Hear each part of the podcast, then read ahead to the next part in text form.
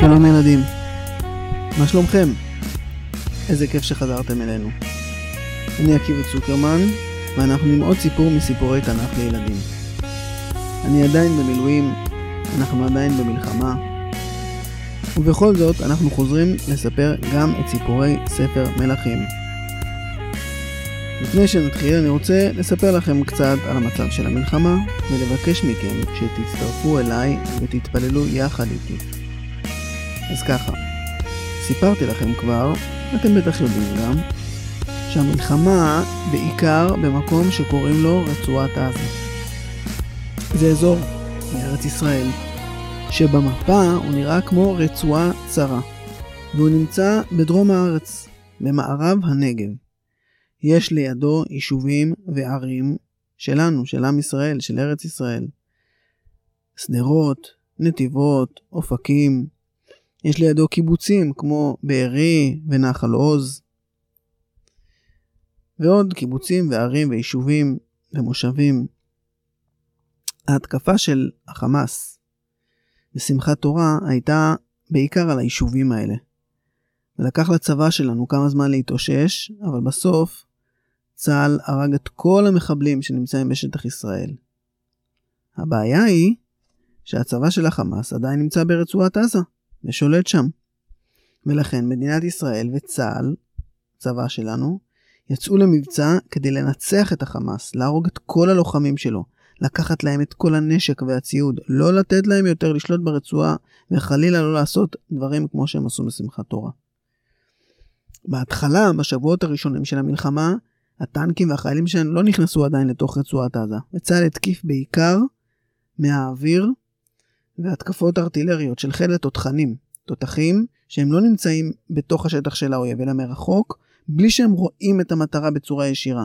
מפציצים את הבסיסים ואת הבתים ואת האזורים שהמחבלים והלוחמים שלהם נמצאים שם.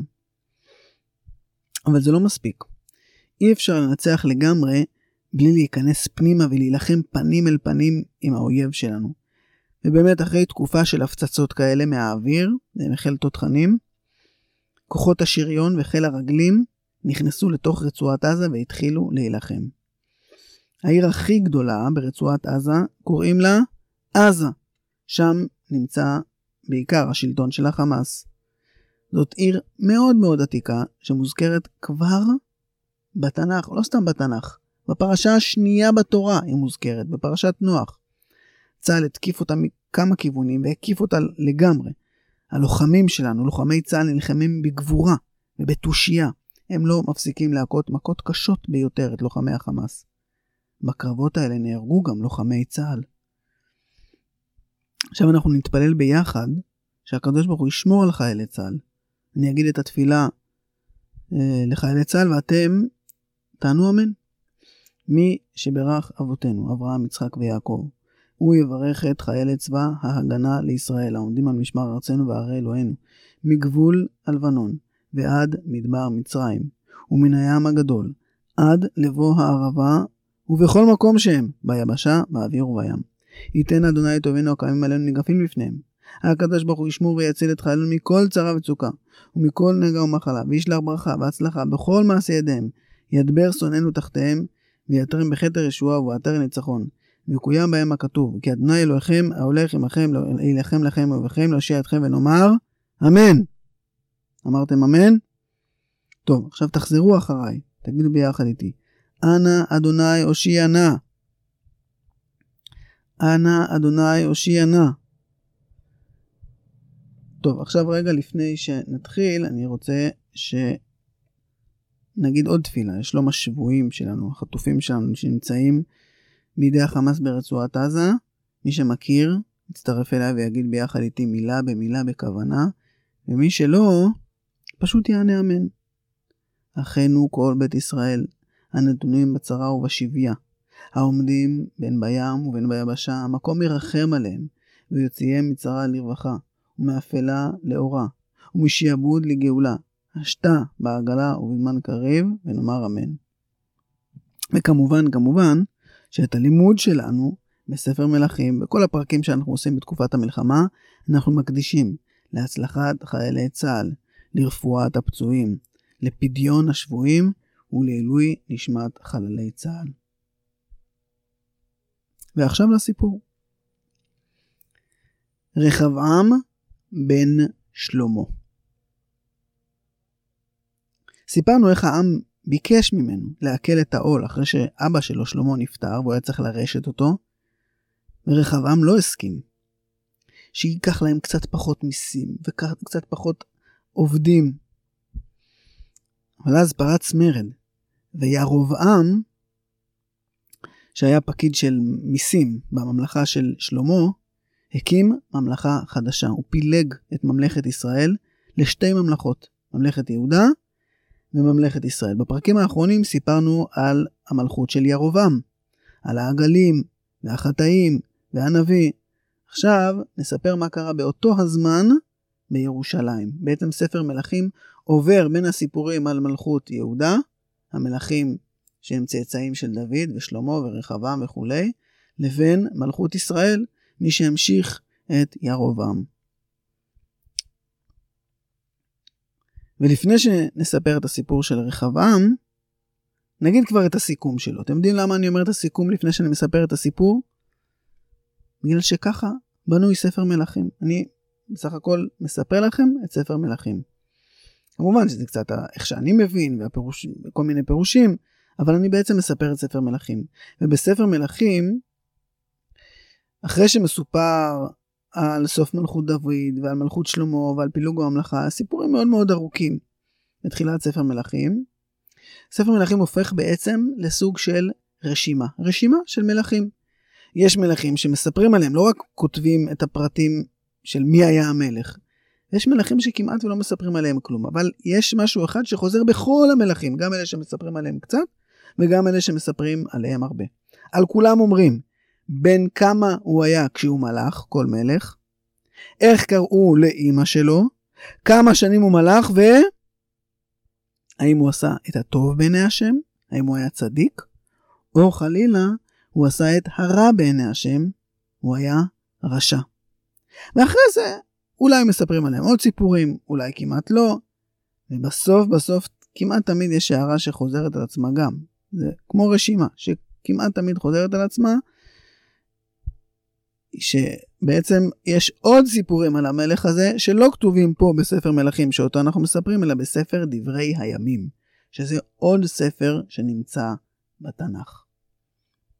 אז עכשיו אנחנו נציג את הסיכום של רחבעם, ואחר כך נספר את הסיפור שלו, כמו שעושה הנביא שמספר את ספר מלכים. אז ככה, רחבעם בן שלמה, הוא היה בגיל 41, כשהוא מלך, בן 41 שנה במולכו. והוא מלך במשך 17 שנה. לאימא שלו קראו נעמה העמונית. ובימיו ממלכת יהודה עשתה את הרע בעיני השם. זאת אומרת, רחבעם היה מלך רשע ולא מלך צדיק. לא סתם שהם עשו את הרע בעיני השם, הם עשו יותר גרוע מכל מה שעשו אבותיהם לפניהם. ככה אומר הנביא. מה היו החטאים החמורים כל כך של רחבעם מממלכת יהודה? למרות שהיה להם בית מקדש, לא כמו ממלכת ישראל, שבעצם כשהתחלקה הממלכה, בית המקדש הוא בירושלים, בעיר המלוכה של שבט יהודה, של רחבעם. לממלכת ישראל ירובעם לא היה את המקדש, וליהודה כן היה את בית המקדש בממלכה. ובכל זאת, לא כולם עלו לבית המקדש. הם בנו עוד במות. למרות שהתורה מצווה שכאשר מקימים את בית המקדש, לא מקריבים קורבנות בשום מקום אחר, לא בונים במות. דיברנו הרבה על הבמות האלה כבר. התורה אומרת שכשבני ישראל נכנסו לארץ, אז היו פה הכנענים, עמי כנען. בכל מקום שהלכת, על כל גבעה, תחת כל עץ, מצאת במה, מזבח קטן שהקריבו עליו קורבנות. עם ישראל היה צריך להפוך את ירושלים למקום מרכזי מאוד עם בית מקדש שבתוכו מזבח גדול מאוד, במה גדולה, שאליו כולם הולכים וכולם עולים. מפסיקים עם הבמות האלה שנמצאות בכל מקום מפוזרות על כל גבעה גבוהה ותחת כל עץ רענן. ובני ישראל, בתקופה של רחבעם, לא הפסיקו עם זה, הם בנו במות. הם הרחיבו, עשו עוד ועוד במות, במקום לעשות את בית המקדש למקום המרכזי. ולא רק שהם הקריבו במקום שאסור להקריב בעצם בבמות, שהתורה אמרה שאסור להקריב שם, שהקדוש ברוך הוא ציווה אותנו לא להקריב, הם חיברו לזה עוד עבירה. קוראים לה קדש. איש שנמצא בבמה ומקיים יחסי מין עם כל מי שבא להקריב. וזה גילוי עריות, וזו עבירה נוראית וחמורה מאוד. עכשיו, זה לא רק במה אחת במקרה שהייתה איזה משפחה או קהילה או איזה עיר אחת שעבדו שם. ככה הייתה כל יהודה. לא יודע אם כולם, אולי היה כמה אנשים צדיקים, אבל רוב העם בכל עיר, בכל יישוב, בכל מקום, בכל גבעה, תחת כל עץ, במה וקדש. אתם יודעים שלפני שבני ישראל הגיעו לארץ, היה פה עם שחי בארץ. עמי כנען. האמורי, הפריזי, החיטי, כל מיני עמים שחיו פה בערים ובמקומות בארץ ישראל. והתפקיד של בני ישראל כשהם נכנסו לארץ, אחרי מות יהושע, כשיהושע בן נון הוביל אותם בכניסה לארץ ובכיבוש הארץ, סיפרנו על זה כמובן בסיפורי יהושע. אז הם היו צריכים להוריש את העמים שחיו פה ועשו תועבות, עשו מעשים כאלה כמו הקדש והמולך והבמות והעבודה זרה. זה היה התפקיד של עם ישראל. בגלל הגילוי עריות ושפיכות הדמים והעבודה זרה שהייתה בכל מקום כאן. אז עם ישראל נכנס לארץ בשביל להוריש את העמים האלה ובעצם לחסל אותם, שלא יהיו יותר כאלה מעשים גרועים ושפלים בארץ ישראל. אבל אז הם, מה קרה? הם בעצמם הפכו להיות בדיוק כמו עמי כנען ועברו על אותם העבירות של עבודה זרה, של גילוי עריות. אז, אז למה בכלל מגיעה להם ארץ ישראל? כל המטרה של ארץ ישראל, כל המטרה של עם ישראל שחי בארץ, זה ללכת בדרך הצדקה והמשפט, בדרך השם. ואם עם ישראל הולך בדרך הזאת, אז בעצם לא מגיע להם לחיות בארץ. זה המצב החמור הזה. זה היה המצב בזמן מלכות רחבעם. יום אחד רחבעם ישב בארמון שלו. על הכיסא שלו, הכיסא של אבא שלו. ופתאום נכנס אחד היועצים הצבאיים שלו, ממש בבהלה, לתוך החדר. אדוני המלך, קיבלתי ידיעה שהגיע מהגביל הדרומי שלנו. אתה לא מאמין מה קרה. בראש ישק מלך מצרים עלה עם כל הצבא שלו והוא מתקיף את הגבול הדרומי שלנו. רחבעם נשאר רגוע. נו, בסדר. החיילים שלנו נלחמים בו? החיילים עודפים אותו, משיבים אש? ואז היועץ שוב המשיך ממש בבהלה. איזה עודפים אותו? אין לנו סיכוי. הוא עלה עם צבא שלם. החיילים שלנו פשוט דורסים את החיילים שלנו. משמידים אותנו לגמרי. תוך כדי שהם מדברים, עוד חייל נכנס בבהלה לתוך החדר של רחבעם. הוא היה מסריח לגמרי, מזיעה, כולו מאובק. בדרך כלל אנשים לא נכנסו ככה לתוך החדר של רחבעם. ראו שהוא חייל שהגיע מהשטח. לא היה לו אוויר, הוא בקושי הצליח לדבר. הוא חיכה כמה שניות, ועדיין דיבר מתנשף מאוד. אדוני המלך, בראש ישק פה בירושלים, עם החיילים שלו, הם בתוך העיר, לא הצלחנו לעצור אותם, הם מתקרבים... טו... תקיעה רמה מאוד נשמעה בארמון. התקיעה הזאת הייתה של שופר, אולי חצוצרה, ואחריה נשמעה הקריאה הרמה. רחבעם, רחבעם, כאן חיילי שישק מלך מצרים. צא אלינו מהארמון עם ידיים למעלה. רחבעם קם מהכיסא שלו, יצא מהחדר שלו עם שומרי הראש שלו צמודים אליו, הלך לחצר הארמון, הרים את הידיים, הוא הבין שאין לו סיכוי. זה היה כל כך מהיר, הוא היה כל כך בהלם, אבל הוא הבין שאין לו סיכוי. הוא יצא לחצר, כולם עם הידיים למעלה רחבעם והשומרים שלו. שומרים, שומרים, תזרקו מיד את הנשק שלכם! המפקד המצרי צעק להם מרחוק. כשגדוד של לוחמים חמושים, שריריים, עומד מאחוריו. למשמר של המלך רחבעם לא היה סיכוי. השומרים זרקו את הנשק. רחבעם נכנע בלי קרב. המפקד המצרי ביקש מרחבעם שייקח אותו לאוצרות שלו, תראה, לי איפה כל, ה, כל הכסף, כל הזהב, יש לך בטח חדר כזה כמו כספת ששם מוחבאים כל האוצרות שלך. בהתחלה רחבעם ניסה להגיד אין לי שום דבר מה פתאום הנה קחו הביא להם את הארנק שלו עם קצת מטבעות זהב אין לי שום אוצרות. אבל המפקד המצרי הרים את הנשק שלו, קרב אותו לפנים של רחבעם, הסתכל עליו בעיניים ואמר לו אתה משקר לי. אנחנו יודעים שיש לך אוצרות גדולים מאוד שירשת מאבא שלך, שלמה המלך. רחבעם הרגיש מושפל. הוא לא רצה. הוא הסתכל בעיניים כועסות על החיילים והמפקד המצריים הוא ראה את כלי הנשק שלהם, והוא הבין שוב שאין לו ברירה. הוא בקושי הצליח לדבר, היה לו כזה גוש בתוך הגרון, הוא בקושי שמר על, על, על, על, קור רוח. הוא ביקש מהשומרים שלו שיביאו לו את המפתח, והוא הלך במסדרונות של הארמון עם חיילי שישק, פרעה שישק מלך מצרים, עד שהוא הגיע למחסנים.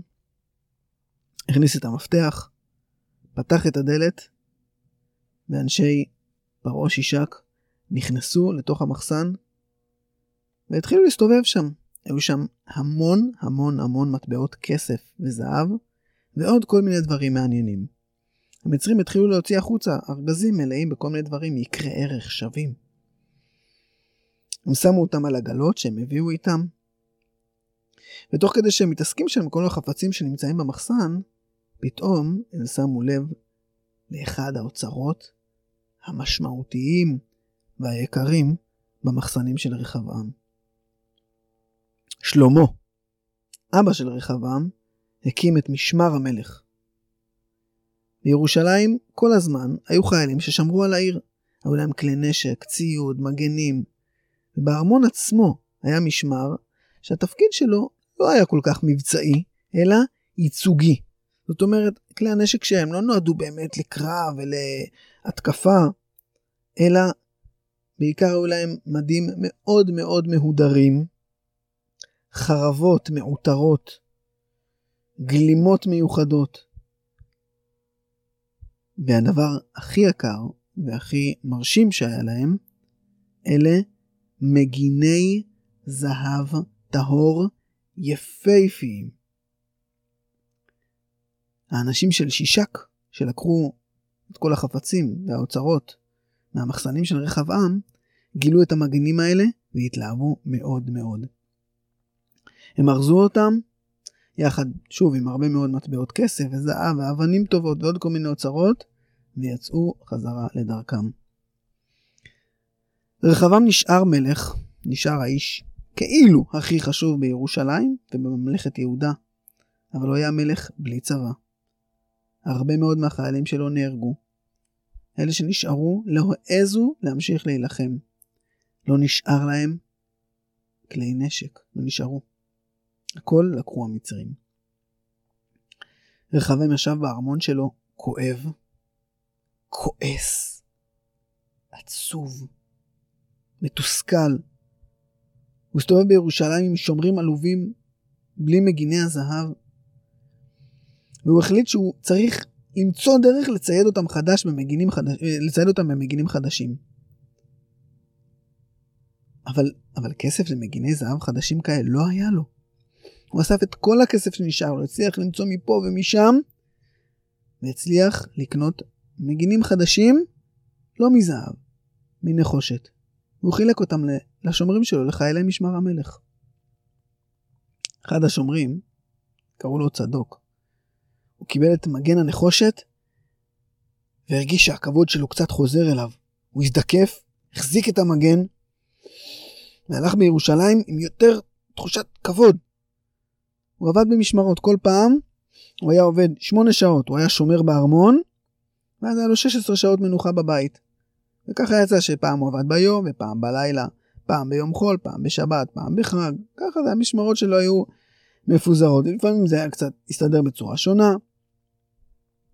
הוא סיים את המשמרת הראשונה עם, עם מגן הנחושת החדש, בא לצאת הביתה, אבל אז השומר בכניסה לארמון עצר אותו. צדוק, עצור, עצור, עצור, אי אפשר לצאת ככה. מה, איך אני יוצא? מה הבעיה באיך שאני יוצא? סיימתי את המשמרת, הנה אני הולך. כן, כן, זה בסדר, השומר בכניסה לארמון אמר לצדוק. רק תחזיר את המגן לתא הרצים, כדי שהשומרים אחריך יוכלו להשתמש בזה. מה? איזו עליבות. לא רק שהחליפו את המגינים מזהב לנחושת, עכשיו גם כל פעם צריך להחזיר אותם ולקחת אותם. אי אפשר לקחת אותם הביתה נורמלי, אי אפשר להסתובב בעיר, שיראו שאני חייל ממשמר המלך. ככה, עם מגיני נחושת, בלי כסף, בלי חיילים, בלי צבא, תחת שלטונו של פרעה שישק מלך מצרים, ככה סיים רחבעם את 17 שנות מלכותו. הוא הזדקן ומת, ותחתיו מלך הבן שלו, קראו לו אביים, לא אביה, אביים. על אביים, אמרתי לכם כבר שעל חלק מהמלכים מסופר הרבה ועל חלק מסופר קצת, על אביים כמעט לא מסופר כלום, רק התבנית הרגילה שאמרתי לכם עליה, שזה בעצם חלק מהרשימה של מלכים. אביים מלך בשנת 18 לירובעם, כלומר הוא התחיל למלוך כשעדיין ירובעם הולך בממלכת ישראל.